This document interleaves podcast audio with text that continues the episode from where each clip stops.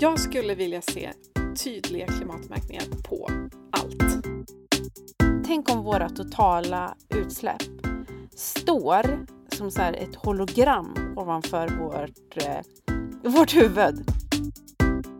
Jag har i alla fall bantat bort motsvarande ett jordklot. Ja men eh, klimatdeklarationen, var är du? Värderingstinder.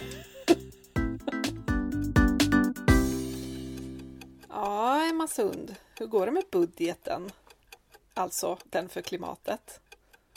Ja, men alltså jag eh, kollade igår hur jag låg till och jag har gjort en, en hel del stora förändringar som eh, lirar lite bättre med mina värderingar men också med klimatet. Jag har, eh, ja, det, har, det varit ganska rad, radikala eh, förändringar. Kan jag du ju sålde säga. allt? Jag sålde allt. Eh, jag sålde lägenhet, torp, flyttade ut på landet, delar begagnad elbil med mina föräldrar, samhandlar mat och gör gemensamma ärenden. Jag är ganska långt från stadslivet med konsumtion och kaféhäng och ja, men lite så här för, oförutsedda utgifter på både bankkonto och klimatkonto kan man ju säga. Så mitt liv är liksom skavfritt eh, liv. 2021. 22. 21? 22? 2021. Ja. Du är gett upp på 2021 redan. ja, jag tycker, men alltså, jag har ju helt klart en hel del utmaningar kvar. Men Du alltså, det, här låter ju som, det här låter ju som att du har ett ett-tonsliv nu. Alltså det här låter ju som att du lever perfekt. Kom du ner i... Nej men jag... Alltså, Eller? nej! Alltså jag är lite besviken. Jag trodde att jag skulle haft någon jackpot där. Men nej, alltså, jag har ju såklart mina utmaningar. Precis som alla andra. Eh, men det är jäkligt svårt att komma ner i låga nivåer. Den här ett-tonslivet är väldigt svårt att nå.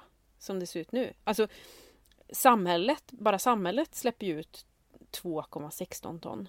Så att oavsett vad jag gör så kommer jag inte kunna leva på ett ton. Nej. Du då? Ja, alltså på vissa områden går det väl bättre och bättre, skulle jag säga.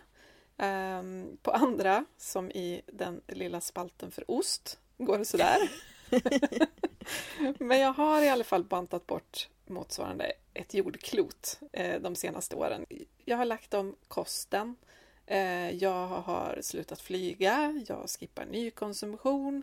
Vi har bytt bil till en elbil. Bla, bla, bla. Så. Det går åt rätt håll och jag tycker ändå att det är peppigt att se att det går att rucka om den där budgeten lite grann. Typ så. Det är ju lite som en sport, skulle jag säga. Ja, alltså Alltså- tävlingsinstinkten vaknar ju rätt snabbt när man plötsligt halverar någonting. Ja, jag har ju aldrig varit eh, särskilt pepp på det här med bantning. Eh, väldigt otrevligt ord kan jag tycka. Men i klimatsammanhang så är det någonting jag går igång på. Att känna mig Reclaim the- lättare. Reclaim Inte- the bantning. Ja, reclaim the bantning. Att liksom inte väga ehm, vad är det, åtta ton. Precis. Stå, men jag tänker så här, stå stadigt på marken kroppsligt men eh, eh, kanske inte väga åtta ton. Rimligt. Ja. Men du, varför snackar vi om det här då?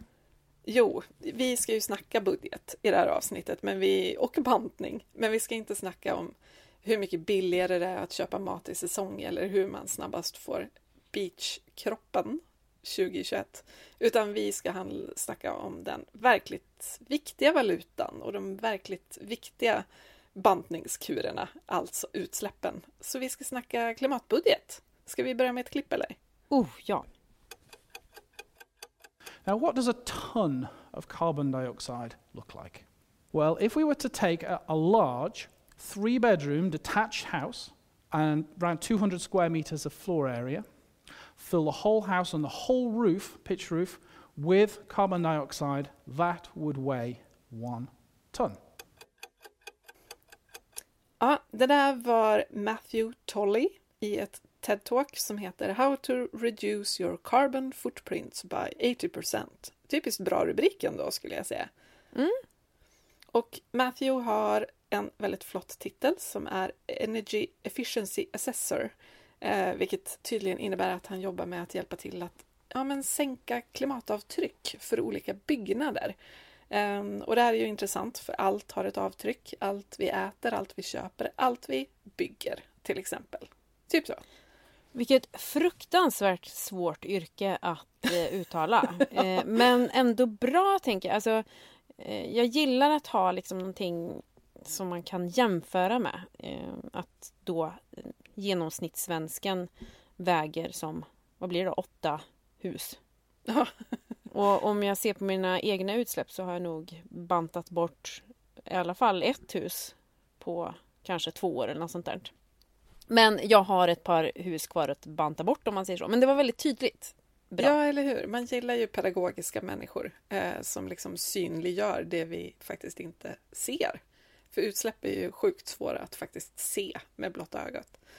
Um, ja, men det är väl det som är problemet också. Precis. Att vi inte ser skiten. Som jag nämnde så släpper ju eh, genomsnittssvensken ut 8 ton koldioxid per person och år enligt eh, Naturvårdsverket. Och det är ju såklart inte så att alla släpper ut 8 ton utan eh, jättemånga svenskar släpper ut mer än 8 ton och en hel del släpper såklart ut mindre än 8 ton. Men liksom om man ser på snittet så är det 8 ton. Enligt FN så ska vi ner till 1 ton per person och år till 2050. Och redan vid 2030 måste vi vara så långt på väg som vi bara kan. Alltså ju förr desto bättre. Man vill ju ha marginaler. Jag gillar marginaler. Det känns ändå bra. Om man pratar om mänsklighetens framtid, att ha lite marginal kanske. Um, och ja, men det känns ju rimligt att vi gör så gott vi kan och att man liksom inte bromsar hårt 2050 och går från 8 ton till 1 ton. Eller vad säger du? Nej, alltså även om jag är deadline-surfare så känns det där som en deadline som jag faktiskt inte tänker gambla med. Nej. Det... och då är ju frågan då liksom, hur vet man? Jag tycker, jag tycker att allting är alldeles för osynligt. Jag fattar inte hur mycket min frukostmacka släpper ut eller ja, men byxan jag har på mig eller smartphonen som jag använder hela dagarna eller streamingen av den jättespännande serien på Netflix. Alltså, hur vet man? Där tycker jag vi har ett sjukt stort problem. Mm. Jag skulle vilja ha sån här, ibland på, på i olika reklamer så kommer det upp en sån här liten eh, pop-up-ruta där det står saker om produkten. En sån skulle jag vilja ha fast IRL. Ja, eller hur? Ja, det är det vi eh, ska ha smartphonen till. Vi kan scanna varje pryl och så säger den du, du, du, du. Nej, det här kan du inte använda. Det släpper ut alldeles för mycket. Eller ett par eh, skarpa klimatglasögon med eh, lite schysst grafik inbyggt, kanske. Härlig så här, science fiction-syn nu. Där du går Ja. runt på landet i begagnade kläder och ett par sjukt high-tech glasögon. ja. ja, alltså drömmen vore i och för sig att det liksom inte behövdes såklart. Nej. Allting bara var... Eh, allting som gick att få tag i var liksom eh, helt okej att eh, stoppa i sig. Om det så Ja, är liksom frukostmackan eller om det är ja, transporten. Men Ska vi man, som man inte ska sätta i sig såklart men, men kanske och åka på, cykla på. Nej, jag gnaga vet på inte. Det är elcykeln. ett svårt ämne. Ja, det är det ju. Men vi vet ju liksom de stora grejerna. Vi vet att det är klart vi ska ha förnybar el i eluttaget och att vi inte ska köra bil om vi kan undvika och måste vi köra bil då är det bäst om den är elbil. Vi ska inte flyga, vi ska inte överkonsumera, vi ska äta så lite kött som möjligt och allra helst ska vi äta veganskt. Då sänker vi våra utsläpp snabbt. Men sen, det är då det börjar bli svårt. Det här Mm. finliret liksom, när vi faktiskt står och ska välja allt från tvättmedel till barnstrumpor till ja, men, elabonnemang. Nej, inte elabonnemang, mobilabonnemang menar jag. Mm. Alla de här grejerna påverkar ju något. Pensionsfonder och liksom... Ja, men hur fasen ska man... hur ska man navigera i det när ingen berättar vad någonting släpper ut? Men det är ju för många val. Det är för många dåliga val. Alltså, jag tycker att det är också så här... Äh, det är för svårt för individen att navigera och försöka göra liksom vettiga val när det finns så många beslut att fatta hela, hela tiden. Och sen så har vi en hjärna som gärna gärna, gärna, gärna, gärna eh, men rättfärdigar olika beslut. Alltså, Belöningscentrat är väl utvecklat i samtidsmänniskan. Ja men exakt. Alltså man tänker, men som till exempel, jag äger en begagnad elbil. Då tänker jag så här, men det är ju bra. Då kan jag ju ta den. Fast det bästa vore om jag cyklade eller gick. Exempelvis. Ja, eh, exakt. Men att, för att man liksom rättfärdigar att, att, att man har gjort ett val. Eller den här klassiska, men jag äter ju veganskt så att då kan jag väl ta flygresan till Bali. På yoga-retreat, eller? Det är klart du kan. Det hör du ju hur härligt det låter. Unna jag källsorterar ju. ja men jag tror också så här, det är ju inte... Eh, det är ju så våra hjärnor fungerar, att vi, vi försöker rättfärdiga våra beslut eh, för att det är för svårt att navigera. Ja, men frågan är också hur villiga vi är att rätta munnen efter matsäcken. Alltså livsstilen efter klimatbudgeten kanske snarare. Pengar är ju liksom enklare på så vis att när pengarna är slut, då är de slut. Då kan man inte handla mer. Eller vänta, det finns sms-lån. Men, men egentligen kan vi ju inte handla för mer pengar än vi har. Då kommer liksom affären att säga stopp, du får inte bara ta grejer. Lite så hade man ju önskat att det funkade med utsläpp också. Du har handlat för så här mycket utsläpp. Du har inga utsläpp kvar. Nu får du mm. sitta lugnt i båten tills du får nya utsläpp att handla för. Det finns ju något sånt kreditkort eller bankbetalkort eh, som, som på något vis är knutet till utsläpp så man kan sätta en gräns för. Sen går det inte att använda kortet. Oh! Sjukt radikalt och väldigt härligt. Problemet är väl bara att vi måste införa diktatur för att alla ska använda ett sådant kort, för annars är det tre personer som redan är hardcore som använder det. Men det är ju en väldigt intressant tanke att, att så här, ja, men när utsläppen är slut, då får du bara sätta dig och läsa en bok stilla Ta det lugnt. Herregud. Ja, eh, ja men det är väl, det, problemet är väl att vi kan låna oss till. Alltså det är liksom samma tänk som det här sms-lånet som du pratade om. Att vi hela tiden kan, kan konsumera över vår budget. Overshoot today. Att vi är i, vad är det, april va? Så, så spräcker vi vår planets gränser i Sverige, då börjar vi leva för resurser som vi inte har. Alltså vi lånar av framtida generationer. Mm. Um, och där någonstans borde det ju egentligen bara säga nej, stopp, du får inte låna av någon annan. Du får faktiskt betala av det du redan har spenderat istället. Men det blir så himla orättvist eftersom vi då i Sverige som har historiskt sett släppt ut asmycket på vår liksom färd mot det här göttiga välfärdslivet som vi ändå... Vi lever i ett rikt land. Um, och vi fortsätter släppa ut då långt över vår budget och leva långt över vad eh, planetens resurser har tillgång till. Eller vi lever, vi lever långt över resurserna. Vi bara fortsätter att göra det. Varför får vi göra det? Det är, ja, men... jätte, det är ju jättedumt. Det är ju jättetaskigt. Med tanke på att resurserna ska vara till för alla. Alltså det är så ojämställt. Det är så ojämlikt. Det är så ja, orättvist. Och, det är så orättvist. Och plus att det är, ju, det är ju dumt på så många sätt för att om någon person skulle så gå totalt bananas och leva Lyxfällan-liv och bara bränna pengar de inte har och skuldsätta sig mer och mer. Förr, förr eller senare skulle ju någon som bryr sig om den personen säga men du, du, nu måste vi vända det här för att det här kommer bara att leda till total misär. Mm. Eh, och så skulle man hjälpa den personen, skuldsanera och göra en budget och få ordning på liksom, härket. Men när det gäller utsläpp så är det bara, nej men kör! Lev gött liksom.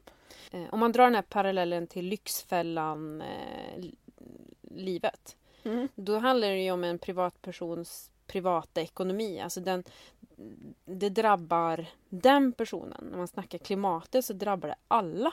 Så det borde ju finnas mer styr i så fall eftersom det är ju vår gemensamma planet. Ja men verkligen. Också så här, vi har ju Vårt land har ju liksom en budget eh, som vi ska liksom förhålla oss till. Om några år är den slut, vad händer då?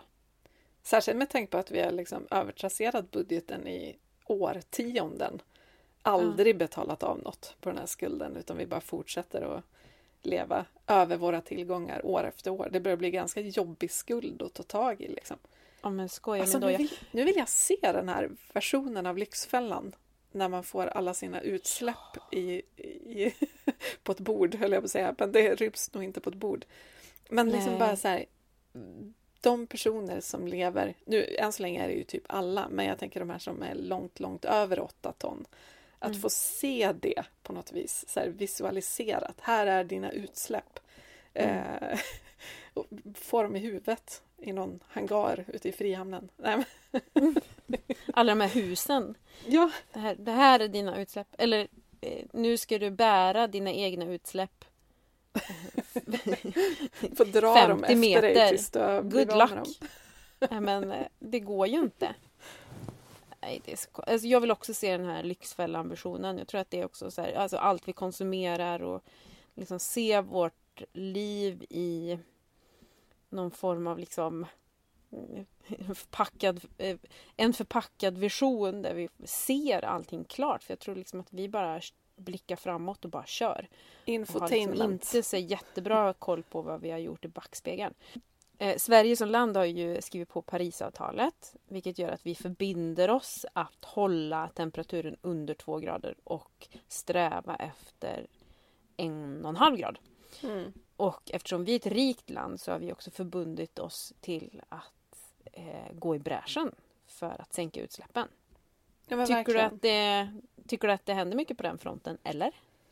Nej, alltså det händer ju verkligen, verkligen inte tillräckligt mycket. Men jag undrar om, om en del av problemet där kanske är att det så himla ofta snackas om uppoffringar.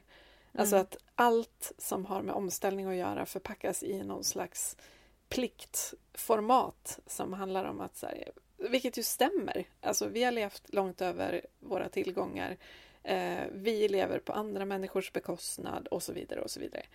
Men det är ju inte särskilt motiverande för folk som har njutit av den här fossilstinkande livsstilen så länge, inklusive jag och du. Mm. Så här, Mm. att, att man går ju inte igång på att så här, nej men nu, nu får du lägga av, nu tar vi bort allt det roliga. Varsågod, du får, du får liksom nöja dig med det som blev kvar.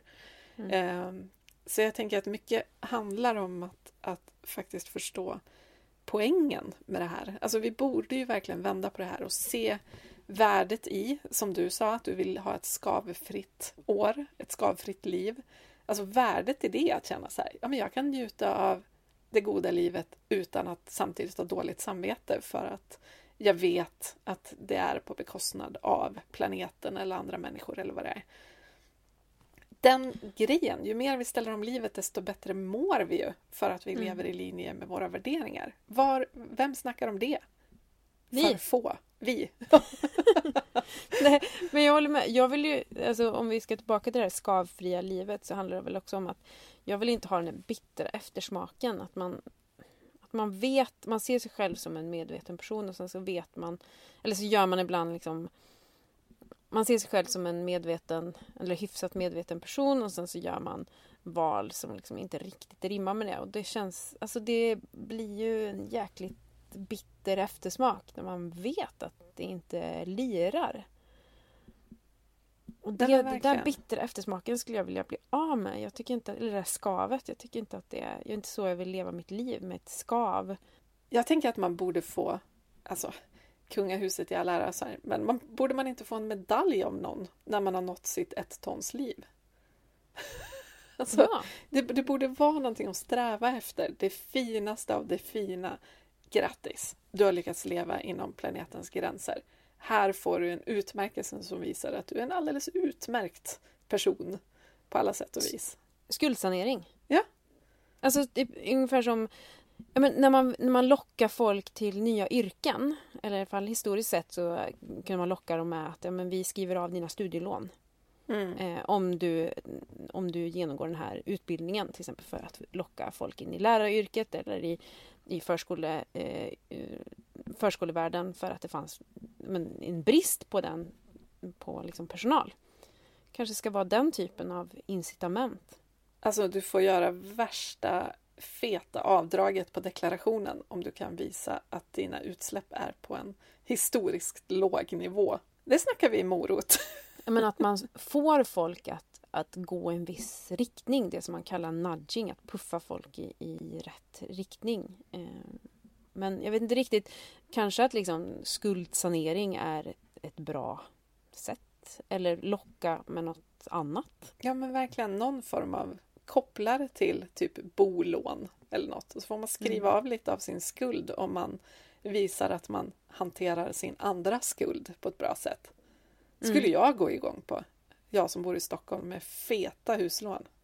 Mm. Jag skulle bli sjukt motiverad av om jag fick skriva av lite av, av den skulden när jag gör något bra i en annan ände. Liksom. Det skulle vara intressant. Vi skulle kunna göra en liten SIFO-undersökning vad, vad som skulle locka folk att, att bli mer eh, radikala i sin omställning eller pressa på företag och pressa på eh, beslutsfattare. Vad, vad, i, vad vill folk ha i gengäld? Också så sjukt egentligen att vi ska behöva ha en morot med tanke på att eh, Ja men det känns lite förmätet på ett sätt också att vi ska behöva ha, få liksom ett, en pris ur kungens hand för att vi gör någonting gott när det handlar om att, att vara solidarisk mot andra människor. Och säkra att vi inte, sin att vi inte egen överlevnad. Ja, att vi inte har kommit längre med liksom vår, vår syn på oss själva eller vår syn på andra människor. Det är ju förtvivlat. Men jag tänker att det, eh, på något vis, det vi gör nu, det funkar ju inte så himla bra. Det är ju väldigt, väldigt få människor som, som här, frivilligt eh, går bananas och säljer allt de äger och flyttar till skogen i Värmland. Liksom. Jag mm. har ju till exempel inte gjort det. Nej, jag har märkt det. Eh. Jag har inte sett dig på väldigt länge. Nej, men, och, jag, och jag tänker att så det funkar ju inte att bara så här, sprida lite allmän kunskap om att det vore bra om du slutade flyga och det vore jättebra om du avstod från en ny vårgarderob och det vore jätte, jätte, jättebra om du inte grillade kött i sommar. Eh, de flesta vet ju det här, men de flesta struntar i det och strutsar. Mm. Så antingen så måste man ju på något vis eh, göra, gå på det här spåret som vi var inne på nu. Det är lite så här, locka med något som är ännu mer värt än steken på grillen. Ja, men mm. du får börja skriva av ditt bolån eller du får ett soldattorp i Uppland eller liksom något gött som väntar vid mållinjen som man kan ta sikte på. Liksom. Eller så måste vi gå åt andra hållet. Och nu kommer väl Jan Guillou att skriva att vi vill ha diktatur igen. Men, ja, men typ motbok, alltså utsläppsmotbok ransonering av utsläpp på olika vis. Jag, jag, kan liksom inte se hur vi kan hitta ett annat spår än något av de två för att få igång alla på rätt spår.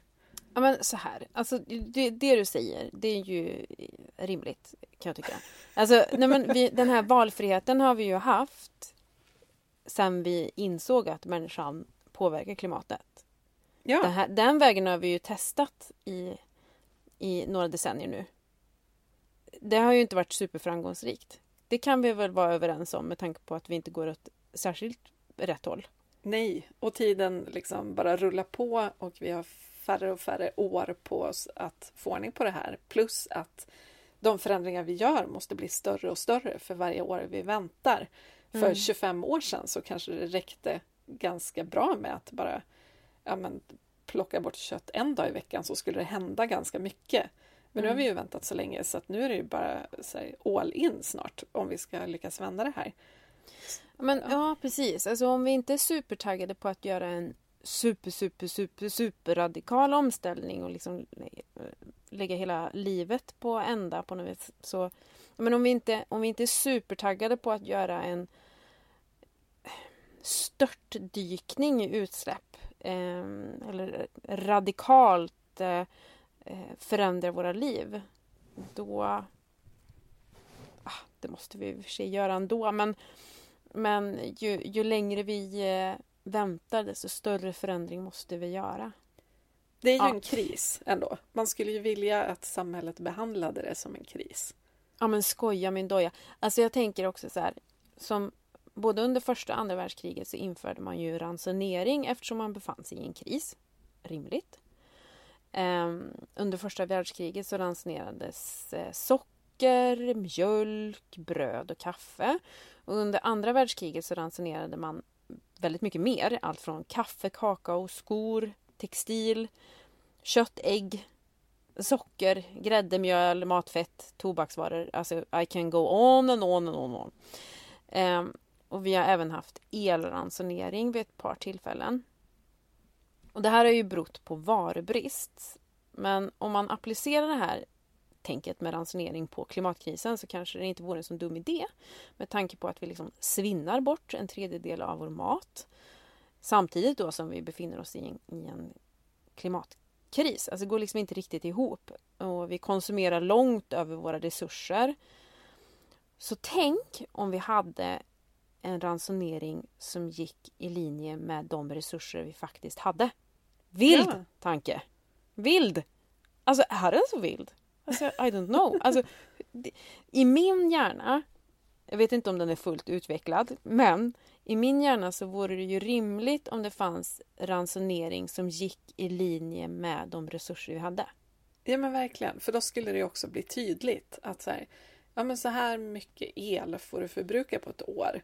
Sen får du portionera ut det som du vill. Eh, du, du, mm. Vi kommer ju använda mer el på vintern när det är kallt. Men då kanske man knappt ska använda någon el alls på sommaren och faktiskt njuta av livet utomhus till exempel. För att ja. det går mycket väl bra att gå ut istället för att sitta inne och streama serier eller vad man nu gör. Alltså, då skulle man ju ändå kunna på något vis dels kontrollera sitt eget liv på så vis att man väljer när man använder sina utsläpp.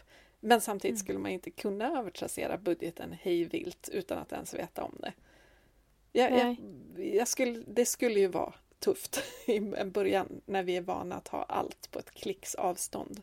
Men samtidigt kanske det skulle leda till så mycket bra saker att det var värt att ha ett par krisår för att komma in i nya vanor.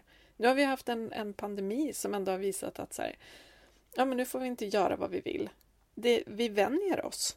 Mm. Det är tufft i början och det är ganska utmattande i längden också, men det går ju. Mm. Ja, och sen så tänker jag... Det, om jag utgår från mig själv så skulle jag tycka att det var skönt med liksom lite ramar. Också veta när saker är slut. Verkligen. Och också kunna uppfostra mina barn att också förstå att ja, nu, är, nu är elen slut. Då får vi, får vi göra på ett annat sätt. Hur ska Ist vi göra då? Istället för att släcka alla lampor en dag om året, eller en timme om året och säga nu är det Earth hour. Nu tänder vi ett ljus. alltså. ja, alltså vi hade ju faktiskt, apropå det här, eh, strömavbrott häromdagen. Mm. Någonting som sker eh, med jämna mellanrum här på landsbygden. Men också så här att det var en fin stund. Också väldigt privilegierat att kunna säga det. Eh, men det var en fin stund att kunna berätta för sina barn eller förklara för sina barn att allting bara inte finns precis just hela tiden. Att säga, men så här levde man förr i tiden och faktiskt få sina barn och också sig själv att faktiskt uppskatta vad vi har. Den här enorma tillgången på precis allt hela, hela, hela tiden. Och också se det som en enorm lyx. En lyx som jag är ganska taggad på att avsäga mig. Men det ger någonstans jag tror att det är viktigt att vi, jag tror det är viktigt att vi kan få stanna upp och liksom se våra privilegier och se den här lyxen, det här överflödet som vi lever i och få lite perspektiv och kanske några idéer på vi ska, vad vi ska göra annorlunda.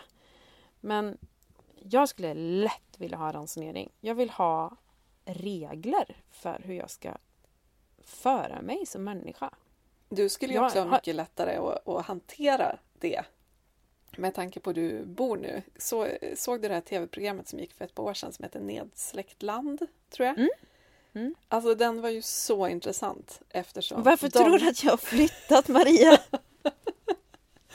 ja, men jag tyckte den var sjukt intressant eftersom de som bodde i det huset som var det mest bekväma och moderna och utrustade de fick det också sjukt mycket tuffare när elen försvann. Mm. För då funkade ingenting. Verkligen ingenting. Det gick inte att typ öppna dörren för den gick på någon sån här elmanik. Liksom. Mm. Eh, Medan de som bodde i ett torp på landet de levde ju typ som vanligt. Mm. Det blev lite kallare men de kunde elda för det fanns en vedspis. Liksom. Eh, och jag tycker det är så intressant att vi har byggt en tillvaro som är så himla skör också. Mm. Ja, och jag ska säga att eh, jag har påverkats jättemycket via TV och allt jag har sett. Men också fått lite perspektiv i så här. Men var... Okej, okay, alltså nu kommer en liten varningstext här för nu låter jag som värsta prepper-personen. Men jag tycker att jag kan tycka att det är intressant att tänka tanken med tanke på med klimatförändringarna så kommer, kommer vår värld se annorlunda ut. Vi kan drabbas av eh, brist på dricksvatten till exempel. Det är ju någonting som är ett stort hot till exempel i Stockholm där man är beroende av dricksvattnet i Mälaren. Eh, som nu kanske är gnutta hotad med tanke på havsnivåerna, att det kommer in saltvatten och så. Eh, men var kan man liksom... Var har man goda förutsättningar att leva ett hyfsat bra liv utan att liksom vara för allt utan att vara alltför beroende av att man ska få saker till sig. Alltså till exempel vatten eller mat. Eller el för den delen också. Ja, men exakt. Det är ju en, en det är lite som man funderar på alla, just nu går ju alla så fritidshusboenden upp för att folk har insett att ja, men vi kanske måste semestra lite mer hemma om pandemier blir vanligare. Och då är det ju såklart alla stugor vid strandbrynet eh, med havsutsikt som går först och för störst pengar. För mm. att det är ju det ultimata semesterboendet att vakna och se havshorisonten. Liksom. Um, men hur, hur attraktiva blir de stugorna om havet börjar sippra in mm. genom farstukvisten? Liksom? Mm. Alltså, jag tror att vi kommer att omvärdera ganska mycket vad som är ett attraktivt boende till exempel. Nu känns det som vi kommer långt från ämnet här med budget och balans och sådär. Men, men det är ändå intressant att, att fundera på vad om vi nu ska ställa om för att få plats med ett liv inom planetens gränser så måste ju det också liv, så måste ju det livet också rulla även när förutsättningarna förändras, tänker jag. Mm. Och då är det ju intressant att, ja men som ni som ska bygga hus, ni bygger på tomtens högsta punkt. Mm. Så att det inte ska bli blött kring fötterna när det börjar regna mer och mer. Liksom. Ja, alltså Värmland kommer ju bli blötare. Jag kan varmt rekommendera den här boken. Vad heter den nu då? Klimatkrisens Sverige, eller? Klimatkrisens Sverige, där man kan eh, läsa om hur olika delar av Sverige kommer påverkas. Men Värmland där jag bor kommer bli blötare. Helt klart så kommer vi bygga på liksom, eh, tomtens högsta punkt. Men också göra andra förhoppningsvis smarta lösningar. Att man kan eh, förvara mat på ett vettigt sätt. Eh, lagra mat. Alltså det här med jordkällare som vi var inne på i första avsnittet av Plan B-podden. Alltså det är ju fortfarande en stor dröm att faktiskt kunna lagra mat. Också kunna producera egen el och också kunna lagra el vore ju fantastiskt. Bli lite mindre beroende av ett samhälle som släpper ut alldeles för mycket som det är.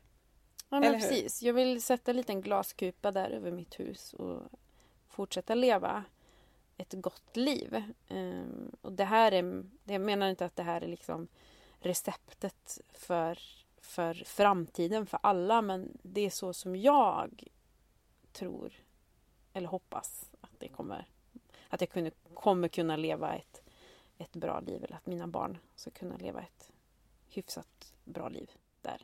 Alla måste inte bo på landet för att vi ska få ihop den här budgeten, den här ekvationen, utan det, är ju, det kan ju vara jätteklimatsmart att bo mitt i stan i en liten lägenhet och dela värme och resurser och tvättstuga och sådär med en massa andra människor. Det är ju superbra. Garanterat. Ja. Plus att man inte är beroende av bil som jag är.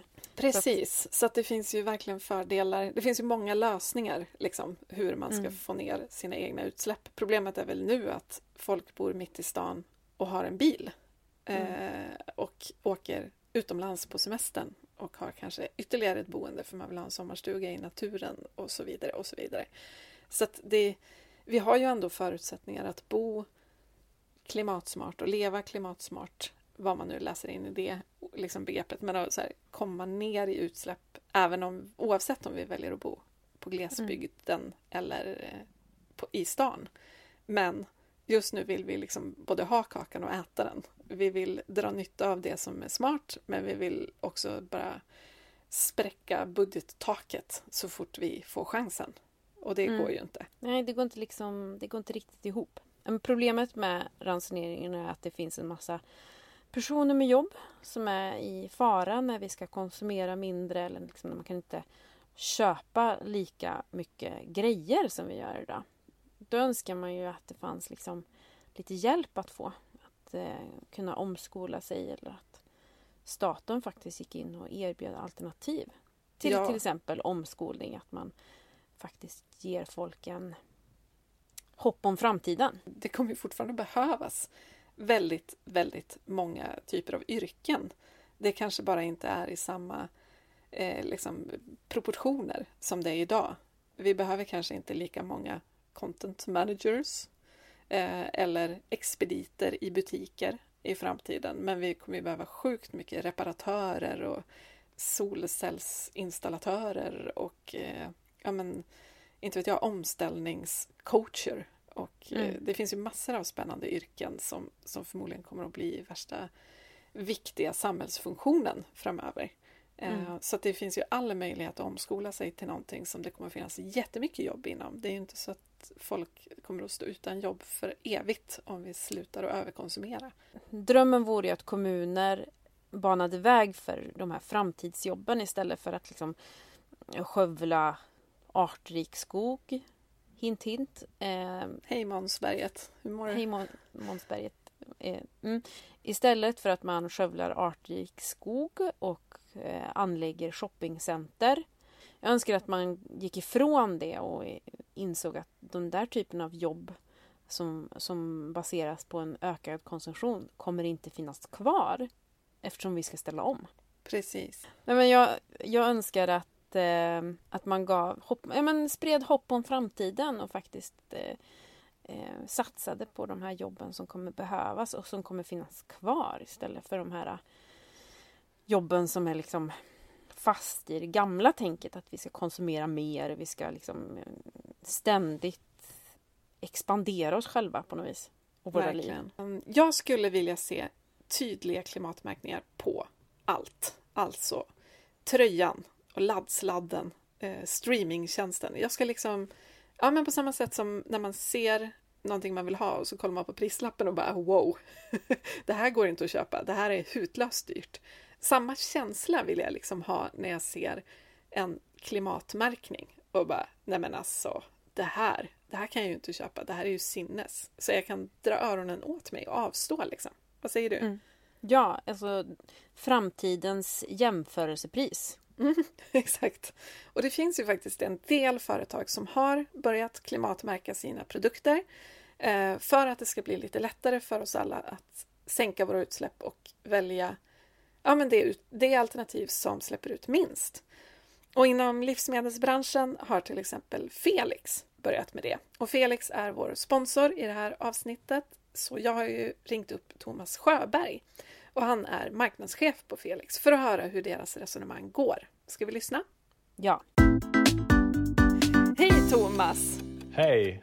Hej! Kan inte du berätta vad som ligger bakom Felix beslut att börja redovisa alla olika produkters klimatavtryck? Jo, men absolut. Vi har faktiskt gjort en undersökning som visar att eh, de allra flesta svenskar vill äta hållbart, eh, men samtidigt så upplever man att det är ganska svårt. Och eh, just när det kommer till frågan då om matens klimatpåverkan så är det ett, ett område där man ser att det är eh, redan hela 8 av 10 svenskar säger att de inte vet vilken eh, klimatpåverkan maten har. Och eh, med det som bakgrund så har vi sett liksom ett varumärke som Felix som jag har äran att jobba med, som då finns egentligen överallt i Sverige i många svenska kylskåp, så har vi också en möjlighet att påverka och hjälpa folk. Men så har ni satt då liksom en märkning på produkterna där man kan se hur stort klimatavtryck de har och om det är lågt eller mellan eller högt klimatavtryck till exempel. Men vad ingår i den här siffran? Jo, alltså vi har ju klimatberäknat hela vårt sortiment. Eh, för det är också liksom en grund för oss att förstå eh, var, hur stort är avtrycket på olika produkter. Sen bestämde vi oss tidigt för att det här är ju någonting helt nytt. En siffra i sig kanske inte ger mening, eh, så därför måste vi hjälpa till och guida och göra, en, liksom, göra det enkelt för folk att förstå. Och eh, då kom vi upp med den här klimatskalan som baserar sig på eh, dels det snittet som vi äter idag i Sverige och för att ligga i linje med FNs 1,5-gradsmål, då behöver vi se en halvering. Så utifrån det då så har vi satt upp en skala där man kan se vad har liksom ett väldigt lågt, ett lågt och ett medelhögt och ett högt klimatavtryck. Och allting då som ligger på lågt eller lägre definierar vi som ett lågt klimatavtryck. Eh, och, och, det ligger då helt i linje med FNs 1,5-gradsmål. Och det är egentligen det vi behöver göra då för att komma ner i utsläppen. Och vad ingår i liksom själva beräkningen då? Är det bara odlingen av maten till exempel? Eller ingår transporter och förpackning och sånt också? Eh, den beräkningen omfattar faktiskt hela kedjan, alltså det från odlingen till eh, framställningen av de råvaror vi använder eh, till att vi producerar livsmedlet, inklusive den förpackning som produkten kommer i. Smart, tycker jag. det är spännande. Det, det, det, är ju, dels är det ju, vi använder ju då data från databaser om olika råvaror. Vi använder info om vår egen produktion. Eh, och också då ja, de råmaterial som går in. Och det ger ju oss väldiga insikter i vad är det faktiskt som då avgör ett, eh, en produkts klimatavtryck. Eh, och det känns väldigt bra att vi också får in så många delar i, i produktcykeln. Sen finns det andra delar som vi då inte får med i detta. Men... Och när du säger att det är vissa delar som inte är med, vad kan det vara? Jo, men det är bra och det är viktigt också att nämna att eh, vi har i våra beräkningar inte med Eh, från det, den transporten som sker från vår fabrik till eh, till exempel mataffären eh, eller faktiskt den transporten då som man som konsument själv gör när man går och handlar, man kör hem eller man går hem, man cyklar. Och, det är egentligen för att det kan se så olika ut, de, de bitarna. Så att, och det kan också sägas att just den delen då som är transporten till mataffären från, från fabriksdörrarna är ju ofta en ganska liten del eh, i detta. Är det någonting som har liksom överraskat er när ni har jobbat med det här? Någonting som ni trodde skulle påverka mycket men som inte gjorde det, eller tvärtom?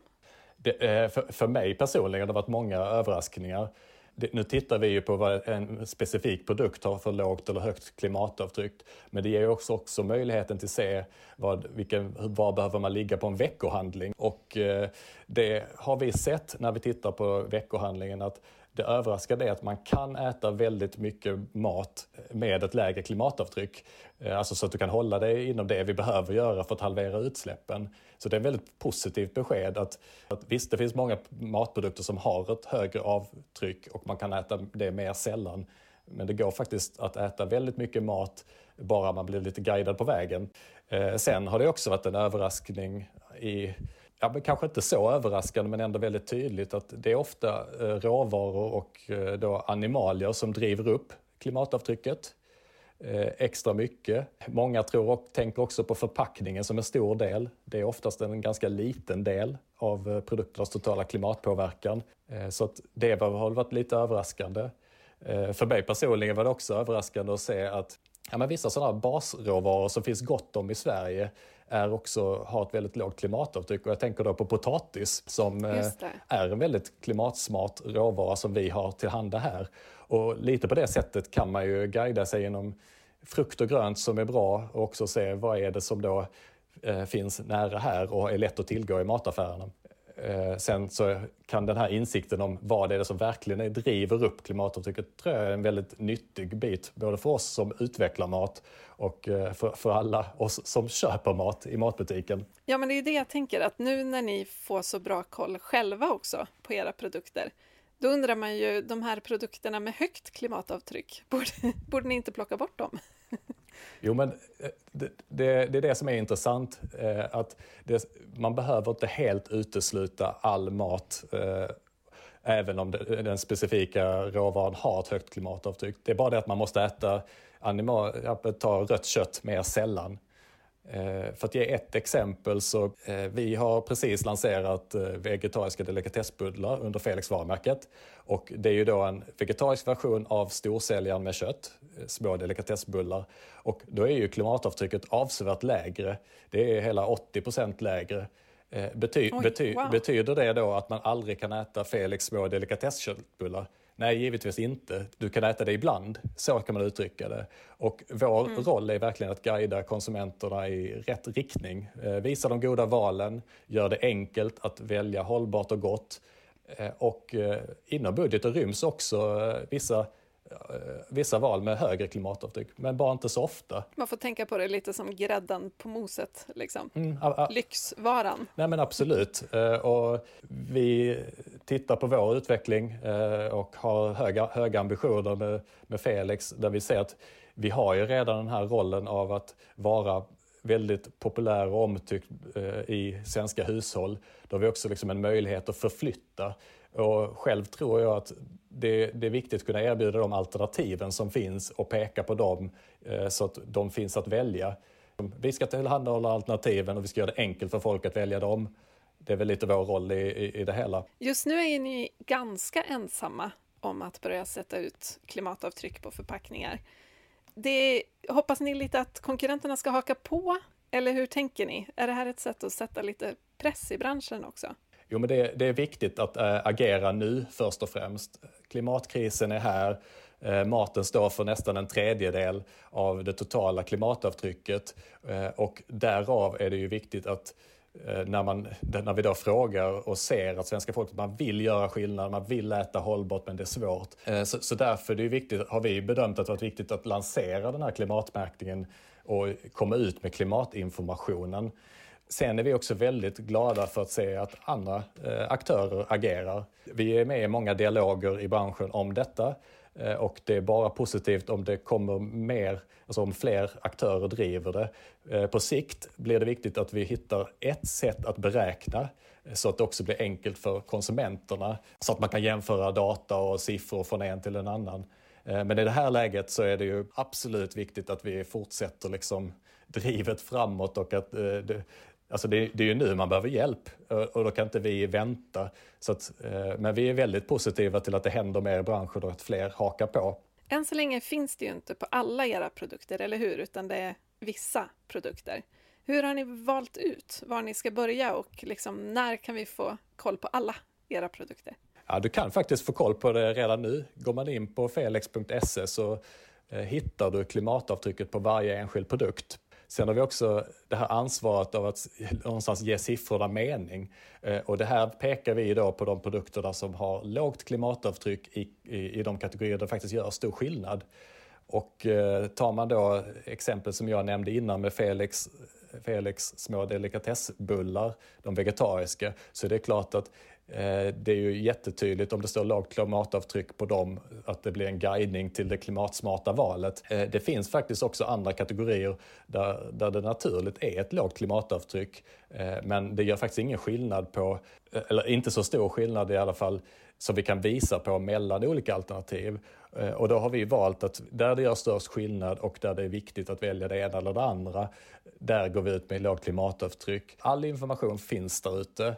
Sen är det vissa då som får symbolen. Men den kommer så småningom på allt, eller hur är Nej, det märkningen tänkt? fungerar så här, eh, precis som eh, andra kända märkningar som eh, nyckelhålet och liknande och svanenmärkning för att nämna något exempel så visar den på de produkter som har lågt klimatavtryck för att visa på de goda valen. Så att den fungerar på samma sätt. Och, och det är väldigt många produkter som är ute där som man kan välja på redan idag från Felix. Det är alltifrån eh, vegetariska pajer, Felix eh, frysta potatisprodukter, Felix potatisbullar för att nämna ett exempel. Det är, eh, ja, vi lanserar den här veckan, kommer det ut en Felix vegetarisk krögarpytt. En vegetarisk version av storsäljaren som då också har lågt klimatavtryck och många fler kommer komma. Så om man håller utkik efter själva märkningen så kommer man att hitta dem med lågt klimatavtryck, eller hur? Ja, absolut. Eh, Och sen, eh, sen så är det då på samma sätt viktigt att informationen om andra produkters klimatavtryck, den finns ju också tillgänglig. Bra initiativ av er, tycker jag. Jag hoppas ju att det sätter lite eld i baken på andra livsmedelsföretag så att vi konsumenter får det ännu lättare att navigera i hyllorna sen. Ja men absolut och eh, jag kan ju passa på att nämna det också att för oss är det ju jag vet, jätteviktigt att eh, jobba med detta. Det är guidning till oss internt men framförallt så ser vi ju att detta är någonting man vill ha hjälp med. Och eh, när vi lanserade märkningen eh, i höstas så gjorde vi också ett initiativ där vi lekte med, lite med tanken av att ja, men hur ska man egentligen tänka? Vad innebär det när jag går och handlar? Så då skapade vi eh, världens första klimatbutik. En butik som mm. var öppen i två dagar i Stockholm där du kunde gå in och testa då att veckohandla för den här veckobudgeten som innebär att du halverar mot liksom vad dagens svensk gör i genomsnitt och håller sig inom FNs 1,5-gradsmål. Den upplevelsen eh, finns nu också då i digital version på klimatbutiken.com. Eh, så det kan jag verkligen ah. uppmuntra dig till att gå in och testa och lära dig mer. Både se lite hur skalan fungerar och eh, ja, men, klar, klarar av att handla under, med, med din veckobudget? Vad får du för det? Hur ska du tänka när du väljer eh, om du vill få ut mesta möjliga av det? Finns det några fallgropar? Och så vidare. Och, och, för den som går in så finns det också en liten extra belöning om man gör hela vägen och testar. Så det är helt enkelt ett verktyg där fler kan testa och lära sig. Genialt! Bra jobbat, där ska jag gå in på en gång. Ja men gör det. Eh, och, eh, Eh, det är ju det, det, är liksom det här utbildade biten, detta är inte någonting som Ja, vi gör det på Felix, men detta är ju för alla eh, och vi skulle bli mer än glada att se att våra konkurrenter gör eh, motsvarande saker. För det, det driver intresset, eller vi ser ju verkligen ett brinnande intresse bland svenska folket och allt vi kan göra för att hjälpa den riktningen är ju positivt. Och eh, där, där är det en bransch som behöver agera i gemensam riktning. Vi gjorde förra året eh, Felixbarometern som är en undersökning som tittar på hur ser svenskarna på sin vardag, på, på hållbarhet i vardagen och eh, hållbar mat. Och då fick vi fram väldigt fina insikter som egentligen ligger till grunden för hela vårt hållbarhetsarbete. Åtta av tio tar hänsyn till att deras hushållsvardagsmat ska vara bra för klimat och miljö. Vi ser att 8 av 10 tycker det är svårt att veta vilken klimatpåverkan olika matvaror har. Så här kan vi ju verkligen göra en skillnad i att hjälpa och guida folk hälften tycker det har blivit krångligare att handla mat och veta vad man ska välja. Hela 17 procent säger att de väljer klimatsmart mat på magkänsla istället för genom fakta. Oj då. och eh, summerat ger det oss att nästan alla svenskar de vill äta hållbart men tycker det är svårt att få till och svårt att veta vilken klimatpåverkan olika livsmedel har. Så här har vi på Felix en stor roll eh, att hjälpa och vi vill göra det enkelt för folk att välja rätt, välja det som är klimatsmart. Och det, det är ju någonstans liksom poängen är att klimatet kommer inte vänta för oss och för Felix som finns så brett i Sverige och är så omtyckt så behöver ju vi ta det ansvaret och agera eh, och göra det enkelt för fler svenskar att välja klimatsmart. Eh, jag skulle bli mer glad om fler gick in och lärde sig och botaniserade på klimatbutiken.com. Jag vill ju ha en Klimatbutiken live jämt, känner jag nu. Ja, men jag tror om man får säga om framtiden, eh, det är väl klart att det kan bli verklighet. Där vi på ett tydligt sätt ser vilken klimatpåverkan maten har och eh, också hittar sättet att göra det så enkelt som möjligt för konsument eh, att se vilka varor har lågt klimatavtryck, vilka kan man äta mer sällan och hur ska man tänka? Kanske klimatsmarta recept och så vidare. Kanske en varukorg som säger ifrån när man har laddat den med för mycket klimattunga grejer. Ja, men det tänker jag att du får nästan eh, gå in och kolla på klimatbutiken.com. Får du se om du, din veckohandling går över helt enkelt. Vad som händer då. Det ska jag göra. Ja, verkligen. Men tack snälla Thomas. Grymt jobbat. Tack. Alltså tydlighet och transparens är ju grejen i framtiden. Vi skulle liksom inte behöva gissa, kan jag känna. Ja men verkligen. Det, det borde ju vara obligatoriskt att vi ska kunna se hur vår konsumtion påverkar klimatet oavsett om det är ja, men en färdig paj i frysdisken eller en vinterjacka eller en flygresa till solen. Vi ska kunna se hur det påverkar. Och Felix har precis börjat rulla ut de här nya klimatmärkningarna och de finns inte än på alla produkter. Men på Felix sajt, där kan man hitta info om allt. Så man kan ju tjuvkika där om man undrar. man har med sig telefonen och så dubbelkollar man hur just den här grejen som jag tänker köpa, hur den påverkar. Men det här borde vi såklart begära av fler företag. Eller hallå, alla företag såklart. Så vi slipper köpa liksom grisen i säcken vad gäller utsläpp. Precis. Tack Felix för att ni gör livsmedelsbranschen mer transparent och visar vägen för resten av branschen ju. Och för att ni backar Plan B-podden såklart. Ja, tack. Alltså en annan grej som jag tycker är svår med det här med utsläppsberäkningar är ju att det känns som att alla räknar på olika vis. Vissa räknar liksom bara på en del av sina utsläpp. Vissa klimatkompenserar järnet och liksom nollar sina utsläpp med lite kreativ bokföring. Och andra är superduktiga, supertransparenta och adderar ihop precis allt. Alltså kanske till och med hur grejen jag som konsument köper kommer att släppa ut under hela sin livstid tills jag kastar den eh, eller Mm. återvinner den eller vad jag nu gör. Så vissa är ju superbra, men så länge inte alla gör på det sättet, då är det ju hopplöst svårt att jämföra tycker jag. Varför finns det liksom inte en standard? Och som alla måste följa. Exakt. Hallå? Lag. Jag behöver en lag. Jag behöver en lag. Jag behöver svårt kan- styr. Det är för lite styr. Undrar hur ofta jag säger det i den här podden, att det är för lite styr. Hur svårt kan det vara? Ja. Gör oss till presidenter så kan vi ju liksom röra runt lite i grytan. Vi vet inte riktigt hur liksom, resultatet blir men saker kommer göras i alla fall. Det vore väldigt intressant att se historieskrivningen av den här lilla perioden då vi var presidenter. Kan vi inte få bara en liten testkommun bara? Ja, ja, ja. Det tycker jag. En egen stad. Eller ett land. Ja. Ehm, eller ett klot. Ja. Ehm, det finns ju vissa exempel på det här. Till exempel Amazon. Eh, som vi nämnde lite grann i greenwashing-avsnittet också. De har lanserat en climate pledge som ut, går ut på att de svär på att de ska vara klimatneutrala år 2040.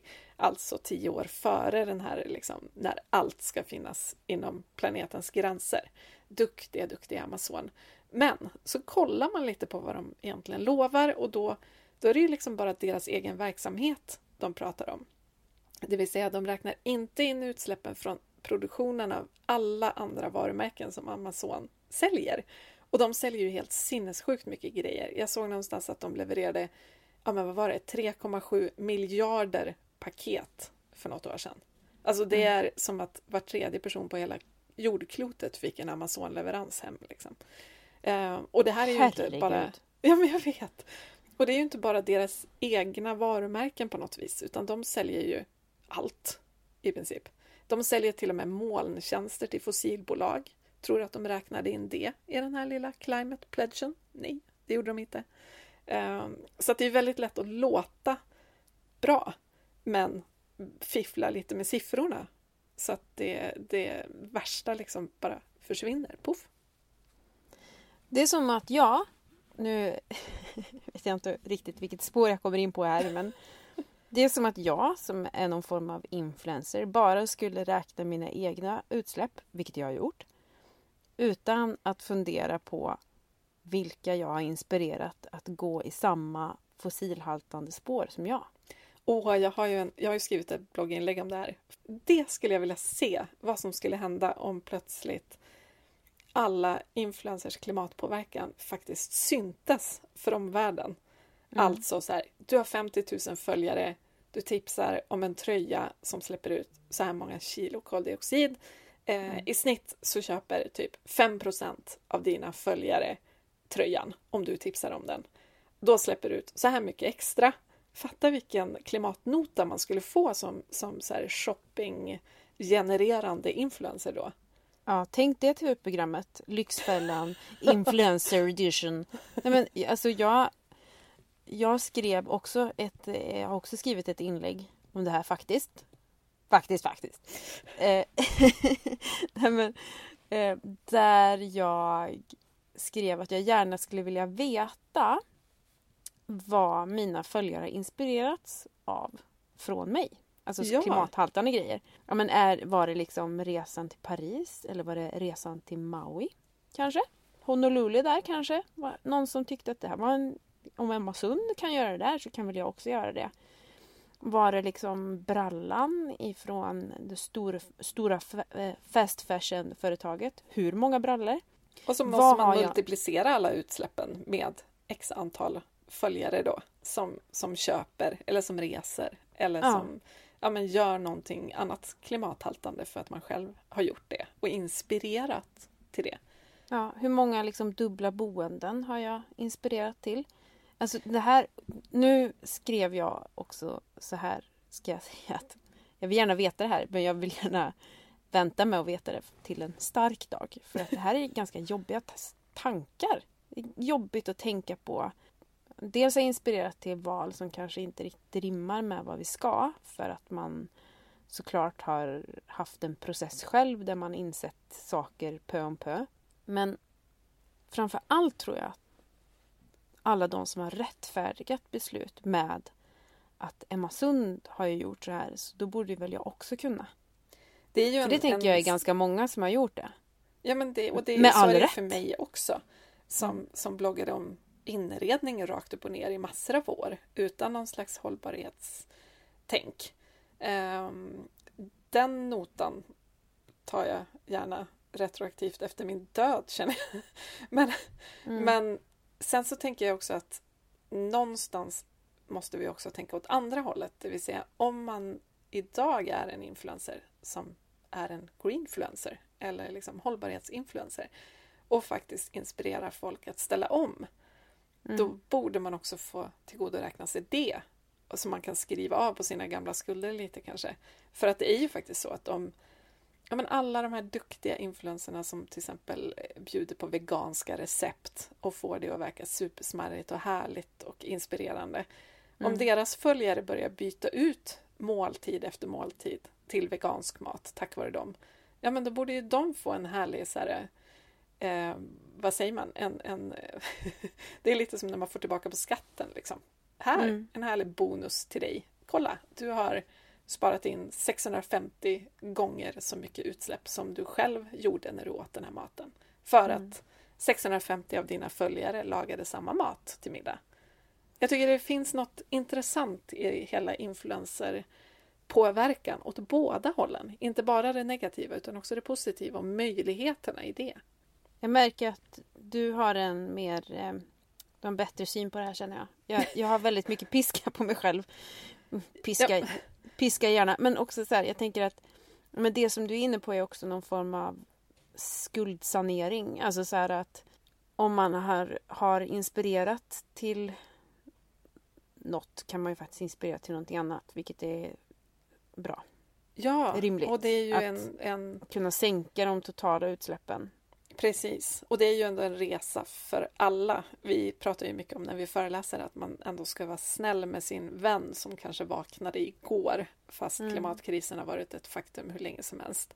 Att inte bara säga men har du inte fattat grejen utan snarare säga ja men hurra, välkommen hit. Eh, Mm. Heja dig, nu tar vi ett steg till och ett steg till. För huvudsaken är ju bara att vi rör oss i rätt riktning och inte fel riktning. Så Mm. att alla har vi väl gjort stora misstag oavsett om det är att vara influencer och, och ha tipsat om en snygg kudde eller om man har jobbat inom oljeindustrin eller om man har rest jättemycket privat även om man inte har delat det i några kanaler och sådär. Så att alltså, de flesta av oss har väldigt, väldigt mycket bagage när det gäller klimatet ju. Mm. Ehm, men någonstans handlar det ju bara om att så här, ja, men vi måste vända blad nu. Och då kan man ju inte tänka, ja, men jag har gjort så mycket dumt så det är inte lönt. För det är det ju. Det är aldrig för sent. Aldrig för sent. Sen har vi ju en grej med, med nu när vi pratar budget och siffror och beräkningar och sådär. Så måste vi ju nämna det här med klimatkompensation som vi också pratade lite om i greenwashing-avsnittet tror jag. Det pratas ju väldigt mycket om klimatkompensation nu, inte minst från företagshåll för att det är ett sätt att kunna kalla sig klimatneutral eller klimatpositiv. Det finns ju till och med företag som erbjuder det här till privatpersoner, att man kan klimatkompensera sitt liv. Liksom. Och där vill jag väl bara ha sagt att även om klimatkompensation kan vara ett jättebra komplement för lite som vi sa att så här, samhället släpper bussigt nog ut två ton åt oss var.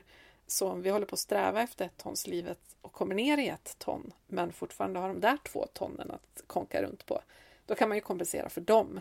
Så har man i alla fall försökt råda bot på det man inte kan påverka som individ nu.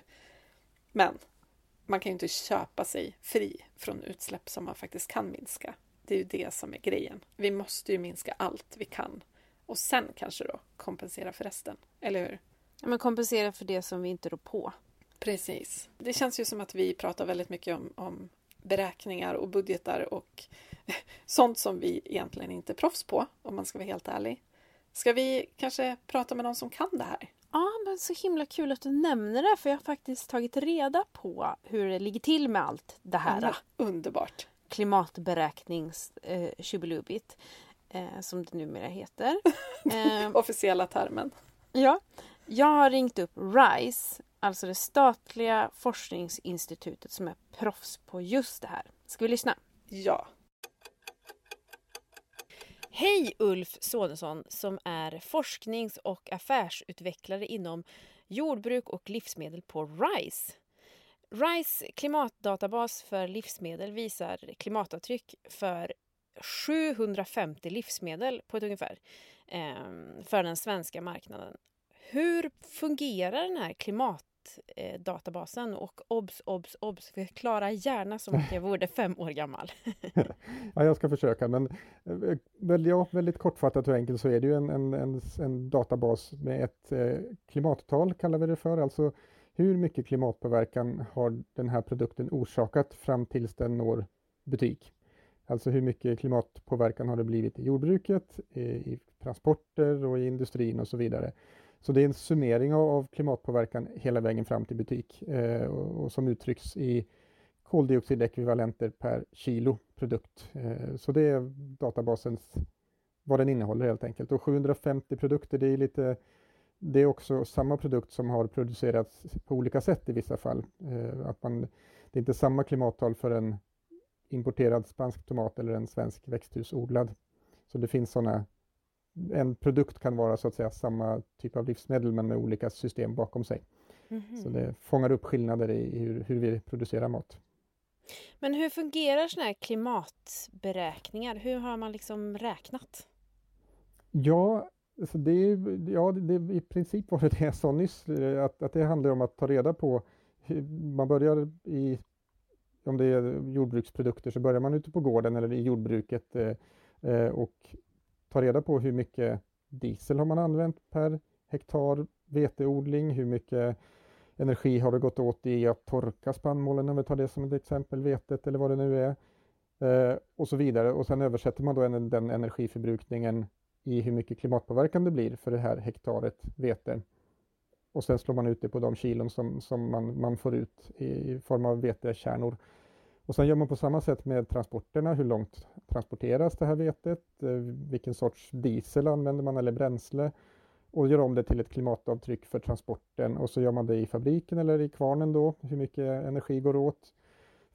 Och så gör man det här och hur mycket förpackningsmaterial är det i påsen till slut. Så man, man gör en jättestor eh, ett stort träd brukar man prata om. Där man har, om vi tar vetemjölet som dök upp i huvudet lite spontant här, det här kilot kilospåsen vetemjöl som är i butik så blir det som ett träd upp att man har förpackningstillverkning, man har transporter, förädling och så vidare. Så, så man, man, det är som ett detektivarbete att ta reda på allt man har behövt använda och allt som har släppts ut på vägen tillbaks till där man odlade dem och även faktiskt förbi där man odlade. För i, i odling så använder man ju till exempel olika former av gödselmedel som ju går åt energi att producera och transportera.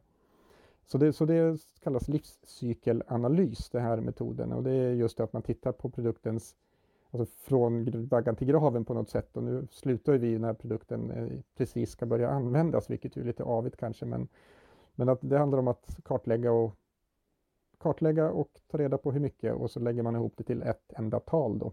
Så det, det är grunden. Vem får använda den här databasen? Alltså den är, ju, den är ju, på ett sätt kan man säga att alla får använda den, men tyvärr så är det så att det kostar lite pengar att använda den här databasen.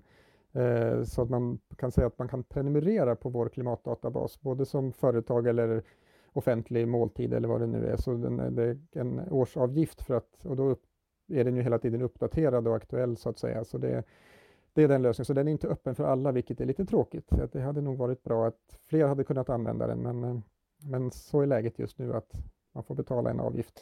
Eh, finns det liksom standard kring eh, klimatberäkningar? Ja, det finns och den har funnits ganska länge, vilket man inte tror. Det finns en ISO-standard, alltså en internationell standard hur man ska göra en sån här livscykelanalys. Eh, problemet, och det finns även med lite mer detaljerade standarder, men problemet med alla som finns hittills är att de är lite för öppna. De, de är mera utformade för forskningsändamål där man är ganska noga med att man ska tala om hur man har gjort olika metodval och sånt, för det finns en hel del olika saker man kan, man kan göra på olika sätt utan att det ena är fel. Liksom. Så det finns standard, men standarder de är öppna och det, finns, det pågår arbete, men det är svårt att enas om hur man ska göra ett klimatberäkning eller en miljöberäkning på, på det här sättet.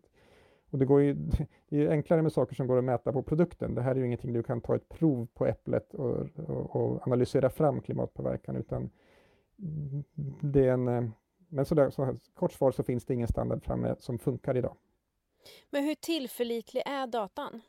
Alltså jag skulle vilja säga att den är, det, trots, trots bristen på standarder så har det här området funnits i ganska många år nu, så det har utvecklats en praxis kan vi säga. Alltså man, de flesta brukar använda samma sätt att räkna Eh, så, så jag skulle väl påstå att de är, de är det är ingen exakt, exakt svar på klimatpåverkan, men det är en, det är en tillräckligt bra klimatpåverkansberäkning för att man ska kunna göra, eller vad säga, göra eh, bedömningar och, och fatta beslut på, eh, givet att man det finns och sen finns det också en naturlig variation. Jag menar, det skiljer från år till år beroende på skördeutfall. Det kan skilja mellan regioner. För vi har ju inte, det finns ju inte data på varje enskild gård eller varje enskild påse mjöl eller eh, torskfilé vi, vi drar upp, utan det är ju alltid förenklingar. Man tittar på svenskt lantbruk eller regionala data på produktion och så vidare. Så det är ju, finns ju en naturlig variation och så finns det eh, olika sätt att räkna. Men vi tycker ju själva att den är tillräckligt bra för att mm, funka för att göra bättre beslut. Nu kommer en väldigt svår fråga kanske, men när kommer en standard som alla måste följa? Ja, det är intressant. Det där har ju varit, eh, alltså det har ju pågått ett stort, ett stort initiativ som EU har drivit eh, sista, är det, är nog sju, åtta år, där man har försökt få eh, alltså aktörerna, företagen i, i, olika delbranscher, då, inte bara livsmedel då, utan i olika delar, att enas om att nu bestämmer vi oss att så här ska vi räkna i vår bransch. Men det, det, man har kommit framåt i vissa fall, men går, man har faktiskt inte kunnat enas i andra fall där det är liksom rätt eh, stora åsikts... Man, har, man ser väldigt olika på hur man ska räkna. Och det, jag vet inte ifall det är ett bra exempel, men det, det, är ju på något sätt, om man tar en råvara, vi kan ta en, en ko eller ett, alltså ett djur som ska slaktas. Eh, där produceras det ju kött. Eh, man får ut hudar, man får ut biprodukter, eh, slakt, olika former av slaktbiprodukter som används i kattmat och hundmat. Och det är klart att, att de kattmatsindustrin och slakteriindustrin har kanske olika syn på hur man ska fördela kons miljöbörda. Eh, det blir liksom på något sätt, eh, om jag kan motivera att kattmatsråvaran ska bära en stor klimatbörda, då, blir det bättre, då ser det bättre ut för köttet men sämre för kattmaten. Så det ligger ju stora intressen, alltså ekonomiska intressen bakom de här diskussionerna. Eh, och, det, och, det, har ju pågått och gått i stöpet lite grann kan vi säga. Eller, men där samtidigt så finns det, tycker jag, en, en, att fler och fler företag vill att det ska finnas en standard så att man inte behöver göra olika på olika marknader till exempel. Företag som är verksamma i flera länder vill ju ha ett sätt.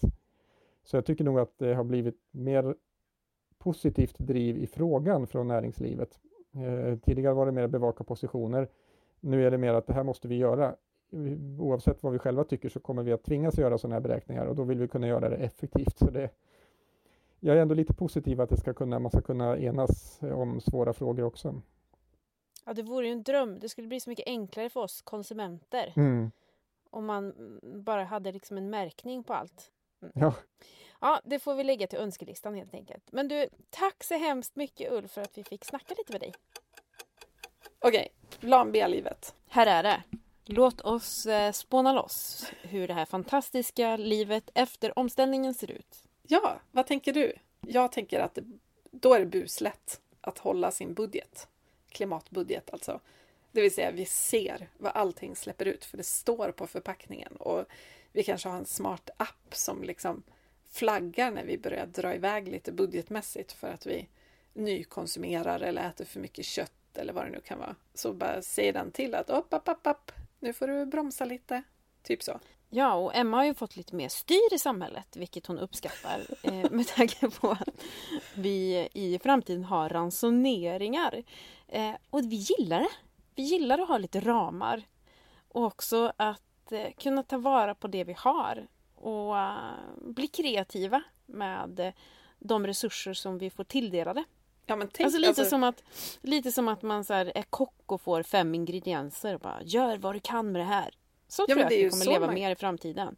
Att vi, vi blir kreativa. Jag tror att vi blir lyckliga av att använda, använda vår kreativitet och också dela med oss eh, med andra. Är kafferansoneringen är kaffet slut då? Nu kanske jag inte ska gå på kaffet för att det känns som en ganska en helig ko i landet potatis. Sverige. Eh, kanske säga eh, någonting annat. Är sockret slut? Nej fan, det kommer också skapa rabalder. Eh, vi, tar, vi, vi går tillbaka till kaffet. Men är kaffet slut? Bjud in dig själv hos grannen. Se hur uppskattat det är. kanske inte alls uppskattat. Okej, Ja, men jag tänker att det blir lite, vi kommer ju bli väldigt kreativa på så vis att vi kommer att och så här, hitta sätt att unna oss saker fast systemet kanske egentligen inte tillåter det. Det vill säga om vi har så och så många ton som vi får lägga på matkonsumtion till exempel. Ja, men det är klart att man börjar odla själv då, för då kan man ju så här, få mer mat utan att nalla av budgeten. Ja, Så det är ju, då, om man odlar sina egna tomater, ja men då behöver inte jag bränna några utsläpp på att köpa tomater. Det kommer ju faktiskt leda till att vi tar vara på äpplena i villaträdgården för att, och kanske säljer dem till andra. Så får vi mer utrymme i vår egen koldioxidbudget. Jag tror också att vi kommer bli mer sociala i liksom den här framtida världen. Eftersom eh, exempelvis så kräver det mindre el att värma upp en ugn än tre.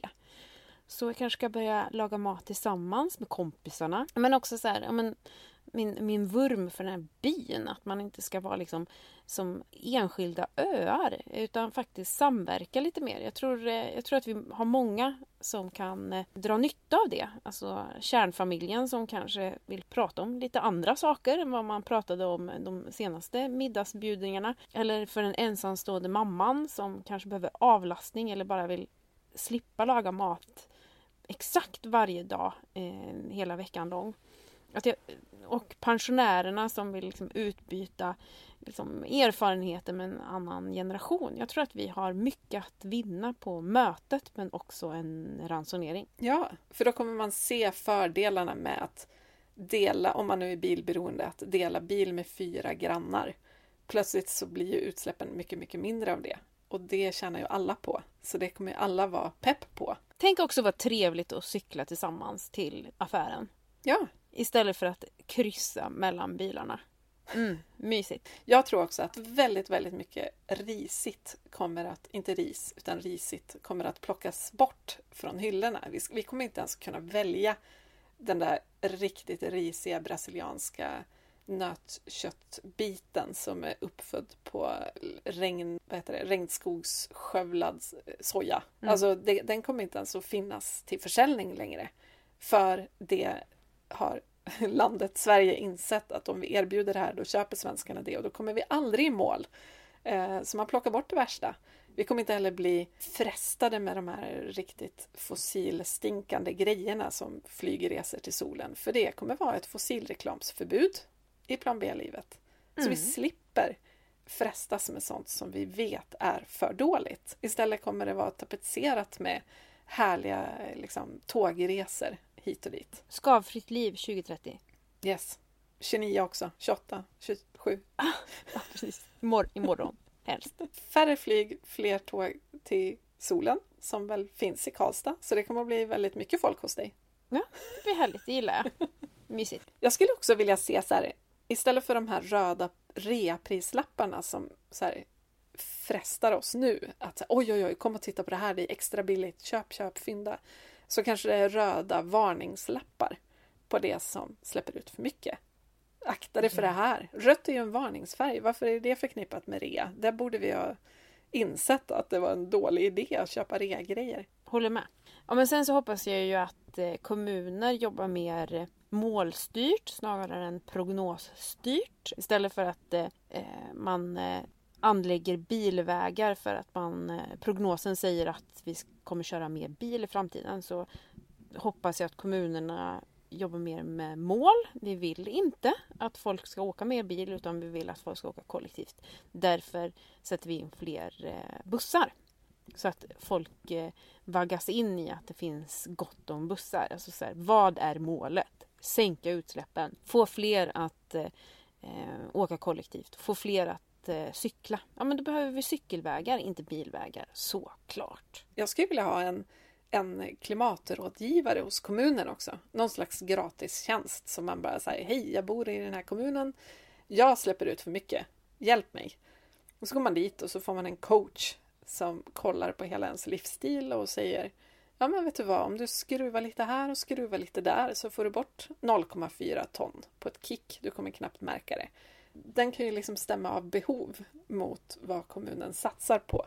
Alltså, vi har alldeles för många bilburna människor i den här kommunen. Vi måste erbjuda cykelbanor. Det går ju liksom att mm. koppla ihop det där, tänker jag. Hur svårt alltså kan det... det vara? Ja, hur svårt kan det vara? Det är så kul härligt att sitta här och gissa och drömma. Men jag tänker också eh, klimatdeklaration. Oh. Alltså, precis som man får en skattedeklaration varje år så kanske man ska få klimatdeklaration så får man försöka göra avdrag för den här resan och se hur gott det går. Eller? Ja men verkligen. Eller rättare sagt, du får göra avdrag för att du har solceller på taket som ja, har producerat så... förnybar el. Då får du göra ett avdrag för du har ju faktiskt bidragit med förnybar el till systemet. Ja. Eller du har Precis. odlat ja. någonting eh, ekologiskt och närproducerat som du har liksom låtit andra människor äta av. Då får du mm. också göra ett avdrag. I plan B-livet så bidrar vi alla mer till samhället, tänker jag. Och vi mår ganska gött av det. Ja. Det menar jag inte bara våra samhälle utan liksom hela världen stort. Jag tror att vi kommer, vi kommer liksom kanske inte söka de där kickarna eh, av att eh, ha någon bucket list där vi ska se ett nytt land varje månad eller varje år. Utan vi kommer må ganska gött inombords av att känna att vi gör någonting vettigt av vår plats på jorden. Man kanske får göra avdrag för ideellt arbete också? Ja, tack. Eller hur? Ja, men eh, klimatdeklarationen, var är du? Och eh, här skapas ju dessutom en hel del jobb, eller hur? Ja, som ska hantera Klimatmyndigheten. Klimatverket. Ja, klimatverket. Ja. Det är så fett jobbigt att få kvarskatt på klimatavtrycket. Liksom. Att här har du ja. ett halvt ton för mycket, då får du ha ett halvt ton mindre nästa år. Åh herregud! Vilken jädra morot, eller jag menar piska. Fy fasen! Men det är ju rimligt, alltså vi har ju ett visst antal år. Alltså vår budget håller ju ett visst antal år. Då vore det ju inte konstigt egentligen om, man, om, om det var så. Nej, ju. precis. Man får leva över sina tillgångar ett år men då får man gå på sparlåga nästa år och leva på motsvarigheten till nudlar. Liksom. Studentkost i klimatväg. Det skulle vara intressant att se hur snabbt världen förändras med ett sådant system. Jag tänker på hur de här normerna som vi drivs av att ja, men, man ska åka utomlands på semester och man ska ja, men, kanske ha liksom flera boenden och man ska åka långt och uppleva mycket. Eh, kanske man kan göra ett år. Men hur ser det ut året på? Och så kommer det ju bli status i det härliga plan B-livet att ha ett lågt klimatavtryck. Det är ju liksom istället för att skryta om sina fyra bilar så skryter man med att man faktiskt har 1,2 ton i utsläpp. Och snart mm. är i mål. Gud vad jag ser fram emot det. Eller hur? Att det resurssmarta är normen. För att det skulle gynna så många som kanske inte har valet idag att försöka leva upp till de här helt insana normerna. Den här trendjakten och alla, ja, alla de här sakerna som man ska liksom ha i sitt liv och uppleva för att man ska vara en lyckad människa. Bara. Alltså det kommer ju vara den ultimata rättvisan när det här med, med statusförskjutningen händer. För då kommer plötsligt alla låginkomsttagare att ligga hästlängder före höginkomsttagarna i Mm. utsläppsminskningar. För de är ju redan nästan i mål eftersom Mm. de faktiskt inte har råd att överkonsumera till exempel. Så Mm. plötsligt så har de liksom gjort nästan hela jobbet. Det är rättvisa. Eh, jag fick en kommentar häromdagen på bloggen från en person som sa att hon aldrig hade flugit i sitt liv. Och att det alltid har varit liksom lite så skamligt att man liksom ska uppleva saker. Men att hon nu kände sig ganska nöjd med det beslutet. Att så här, jag vet inte, jag har ingen aning om varför hon inte hade flugit. Hon kanske är flygrädd eller inte hade pengarna. Eller liksom, alltså, bakgrunden är lite oklar. Men att, att slippa förklara varför man gör klimathaltande val. Den nya unnet att inte ha skavet. Ja, att inte ha skavet. Ja, men jag ser, väldigt, jag ser mycket fram emot det här plan B-livet utan skav. Där vi lever på få resurser, umgås mycket med andra, har lite styr och ramar och liksom inte kan balla ur på samma sätt. Alltså balla ur kan vi göra på fest eh, och i vardagen men liksom inte med liksom resurserna. Ser fram emot eh, stora cykelgäng på väg till affären. Matlag. Matlag, gud vad jag drömmer om det. Särskilt nu i pandemitider. Ja, men, ja, men få götta sig med att vara en bidragare. Ex- Exakt, istället för någon slags eh, skuldsättare. Ja, ja men jag, att känna att man bidrar och gör något gött för andra och sig själv. Och att ens liv liksom inte är på bekostnad av andra människors liv utan faktiskt för någonting bra med sig. För det kan vi ju inte riktigt säga att vi gör idag. Nu är det dags för listan. Eller hur? Ja! Listan! Woho! Woho! Woho! Woho! Den här gången är listan åtta saker som de flesta kan göra för att sänka sina klimatavtryck. Här kommer liksom den lilla lathunden till de stora kliven i utsläppsbudgeten. Vill du börja? Vill du börja eller? Kör du! Okej, jag kör. 1. Sluta flyga. Vi, vi gillar ju att prata morot före piska, men nu snackar vi utsläppsminskningsmorot här. För globalt sett så är ju flyget inte det värsta. Alltså det finns väldigt mycket annat som släpper ut mer globalt sett. Men för individen är det garanterat det värsta. En resa tur och retur till Kanarieöarna bränner liksom hela vår årsbudget på ett ton. Så sen är det slut. Då får man inte äta. Så sluta flyg, gör annat för dina ton. Ja. Två. Men stopp! Det betyder Ja. inte sluta res. Man kan Nej. resa på andra sätt. Det handlar inte om en total uppoffring om man älskar att resa utan man får bara resa på andra sätt helt enkelt. Två. Eh, dra ner på köttet. Du behöver inte bli vegan. Du kan bli en köttätare som nästan aldrig äter kött, precis som jag och Maria. Det är ju inte undantaget som gör dina utsläpp utan regeln. Eller vardagen då. Punkt tre. Skippa nykonsumtionen så ofta du kan. För kläder är ju till exempel 80% av klimatavtrycket knutet till produktionen. Eh, och som vi berättade i förra avsnittet, där vi, jag tror vi sa fel, det ska vara 394 begagnade jackor på en ny och inte 397. Men hallå, 394 begagnade jackor på en ny. En begagnad garderob är liksom grejen om du vill gå runt i din klimatbudget. Och det finns saker som vi konstaterade i förra avsnittet. Myrorna får alltså in 20 ton kläder, möbler och prylar om dagen. Om dagen. Mm. Punkt 4. Låt bilen stå. De flesta av våra resor är väldigt korta. Under 5 kilometer om man ser till hela landet. I tätort är de flesta resor mellan 3 till 4 kilometer och det tar på riktigt en kvart att cykla. För mig. Jag är verkligen inte snabbast i kommun. Cykla, gå eller ta bussen när pandemin tillåter. Det är bättre för hälsan, för ekonomin och såklart asgrymt för din klimatbudget. och ens bil står parkerad 96 procent eller något sånt där av sin livstid. Det vill säga, den, den gör inte så himla mycket nytta som vi kanske tror i våra liv. Okej, punkt 5. Byt till förnybar el. Det här är, borde ju vara en no-brainer och i Sverige är ju det här faktiskt någonting som vi är bra på. Vi har väldigt mycket förnybar el i Sverige. Men om man inte är helt säker, då kanske man faktiskt ska kolla upp sitt elavtal och ändra till förnybar el, för det här gör skillnad i klimatkalkylatorn. Och pressa på bostadsrättsföreningen eller hyresrättsföreningen eller företaget du jobbar på, arbetsplatsen, att kanske sätta upp solceller eller på annat sätt bidra till produktionen av el. Eller gör det själv. på ditt hus, om du har något. Ja, nu är det jag som ska säga något, ja. Punkt fem. Nej.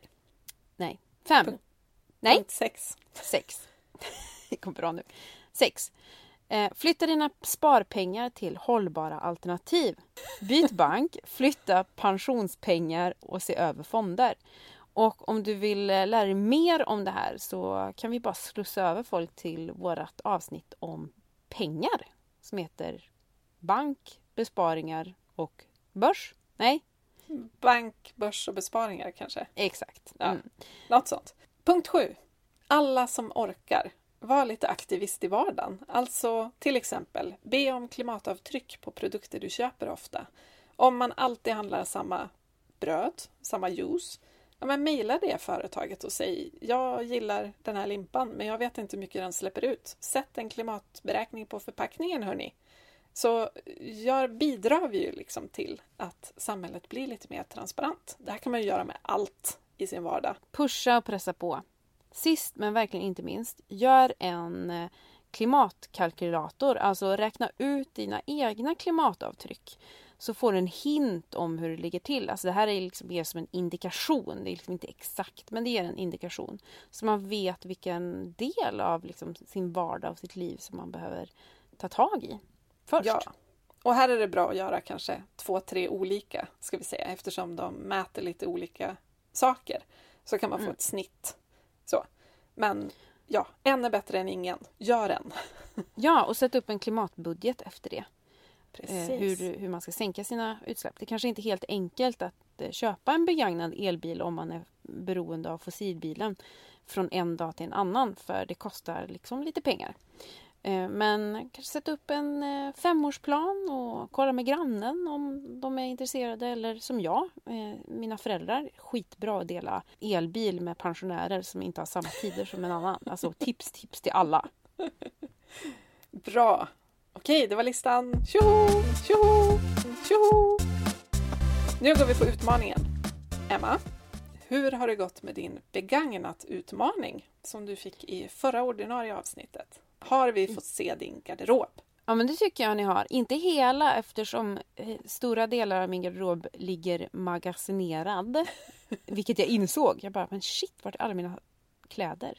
Men ni har ju fått se favoriterna eftersom det är de som jag faktiskt har med mig här i mitt eh, lilla boende. I min, jag har alltså två byrålådor med kläder. Det är ganska Behöver kanske inte så mycket rimligt. mer. Ja, Ja, det är faktiskt ganska rimligt. Jag använder verkligen de kläderna jag har. Och det är ju liksom riktiga favoriter. Så att, eh, ja, mycket återkommer. Och jag, det blir också en, en typ av normförskjutning att jag faktiskt bär typ samma kläder flera dagar i rad. det har vi ju alla gjort under pandemin i och för sig. Ja, ja men jag försöker, vill känna, känna mig lite unik. Vi, Ge mig det! Ja, ja, du är unik. Du är en unik Ja. blomma, Emma. Vi är hemskt glada att vi har fått se din garderob och den kan man se på bloggen, gissar jag, Ja, och Ja. Instagram. och Instagram. Det tycker jag alla ska kolla in för det är väldigt, väldigt mysigt att få höra om andras begagnat fynd. Mm. Ny utmaning. Ehm, Okej. Nu har ju du faktiskt precis kollat upp hur du ligger till. Ehm, men jag vill höra mer i detalj. Alltså, du har ju bytt liv helt det senaste året. Det är ändå ganska få som gör en sån radikal liksom 180 graders på ett år. Du har bytt Mm. från storstadsliv med lägenhet och sommarställe till att bo ja, men extremt kvadratsmart och med två byrålådor på landet. Ehm, jag tänker att så här, du behöver inte redovisa i, i liksom exakta tal, men det vore intressant att se hur procentuellt det har förändrat din budget. Vet du att jag går igång på att visa exakta tal. Gör du det? Ja, det gör jag. Här tänkte jag vara snäll och du bara nej. S- Nej, var hård. Spank me höll jag på att säga. Ja. No, don't do that. Nej, men jag vill... Det är klart jag ska visa det. Ehm, det är en skitbra utmaning Ja, men det är ju bra. Jag, jag redovisade ju mina utsläpp i exakta tal i typ oktober. Mm. Eh, bara för att visa skillnaden från mitt, mitt liv då och nu med några års skillnad. Liksom. Eh, och jag har ju ändå inte gjort alls samma helomvändning som du har gjort. Så det vore jättespännande att se hur stor skillnad det faktiskt gör att byta livsstil. Jag skulle gärna också vilja um, wrap it up sen då i nästa avsnitt eh, när jag ska redovisa det här. Eller hur ska jag redovisa det förresten? Ska jag redovisa det i nästa avsnitt? Ja, men lägg det i en, kanske både och, blogginlägg och podd. Ja, jag redovisar, jag ska redovisa mina utsläpp alltså i eh, min blogg. Ja, Jag, jag antar utmaningen. Det ska bli skitkul, jättespännande. bra. Vill du höra en läskig tanke inför framtiden? Eh, ja, Säg ja nu. ja, Så. ja, Ja. ja. Tänk, eh, om vår, tänk om våra totala utsläpp står som så här ett hologram ovanför vårt, eh, vårt huvud. Som all, vi aldrig kan springa ifrån. Som en sån här regnmoln du vet i serier. I eh, tecknade serier. Och så är de olika färg. De, de dåliga är röda och de bra är gröna och då kan man bara se att åh, där framme går en skön Ja, person. och där framme, ännu längre fram, går någon riktigt jävla risig person. Fatta vad jobbigt det skulle vara. Det skulle vara lite jobbigt. Jag, jag, jag tänkte först radikalt föreslå att man skulle tatuera in det i pannan men det är lättare att justera efter utsläppsminskningar om det inte är permanent. Ja, Så hologram låter ju rimligt och ganska modernt. Ja, jag tycker också det. Men också väldigt jobbigt. Och jag tänker att det här blir liksom en morot för mig. Att eh, nu inför eh, min bantning att eh, tänka på det där hologrammet. Att jag inte vill skämmas i framtiden om den här innovationen kommer. Men det, är, det här är en intressant tanke, jag håller med. Och det vore ju... Jag vill ju också ha den här appen som man bara kan, du vet, QR-kodrikta mot olika grejer. Och då får man också se utsläpp. Tänk om man också kan göra det på personer.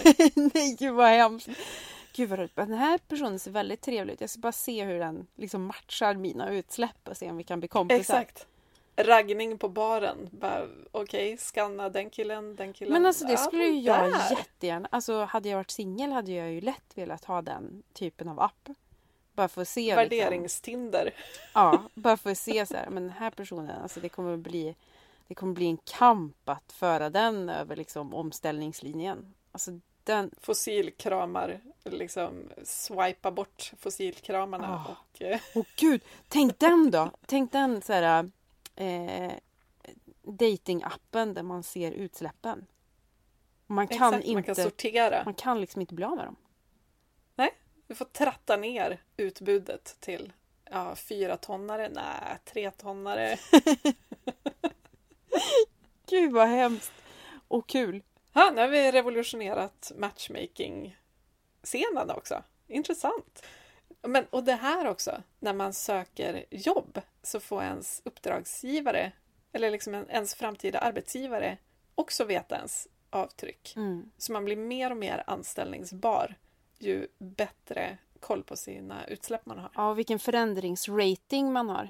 Ja, men precis. Och företagen vill ju såklart kunna säga att vår personal är de mest klimatsmarta i Sverige. Typ. Nu är du inne på någonting som jag tycker är väldigt intressant. För jag tror just nu så pratar företag mycket om så här, vi ska sänka våra utsläpp och man pratar mycket om så här, produktion och hur man ska i produktionsleden eh, sänka utsläppen. Jag är övertygad om att man i framtiden kommer se över hela företagets utsläpp där personalen är inräknad.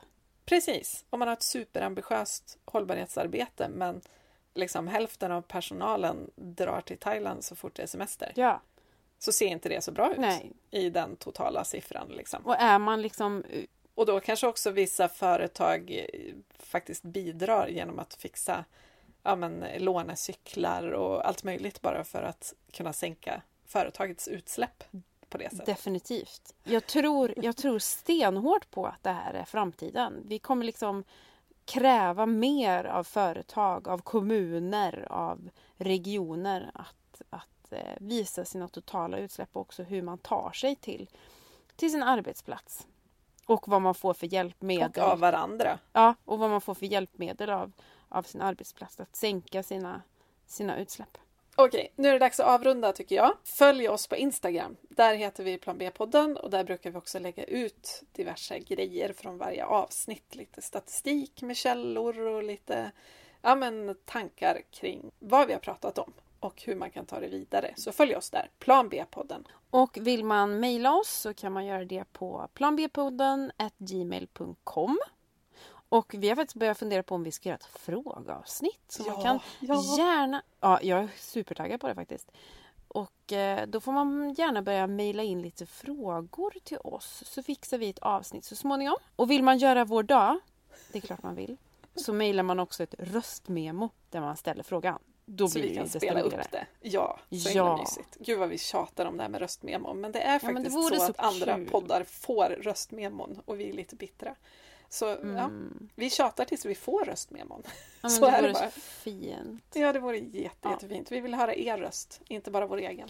Ja, Aj. och så kan man bli Patreons. Eh, för en liten slant i månaden. Då hjälper man oss att kunna göra fler avsnitt. Vi kommer ju lite sporadiskt. Ibland kommer vi jätteofta och ibland kommer vi mer sällan. Men har vi gott om Patreons då kan vi faktiskt fylla de här luckorna med bonusavsnitt som vi inte behöver hitta sponsorer till. Och vi har ju lovat redan från början att när vi har 100 Patreons då kommer vi göra ett specialavsnitt bara för dem. Eller hur? Ja, det är klart. Så mysigt. Se fram Ja, emot det. det, det blir underbart. Eh, men du, tack för, eh, för det här snacket. Ja men tack detsamma. Nu är man ju Ja. pepp på banta. Ja, så jädra taggad på bantning alltså. Ja. Den såg man inte riktigt komma. Nej, det gjorde man inte. Okej. Nej. Tack för Ha idag och tack för att ni lyssnar allihop. Ja, tack. Ha det gött! Ha det gött! Hej! Hej!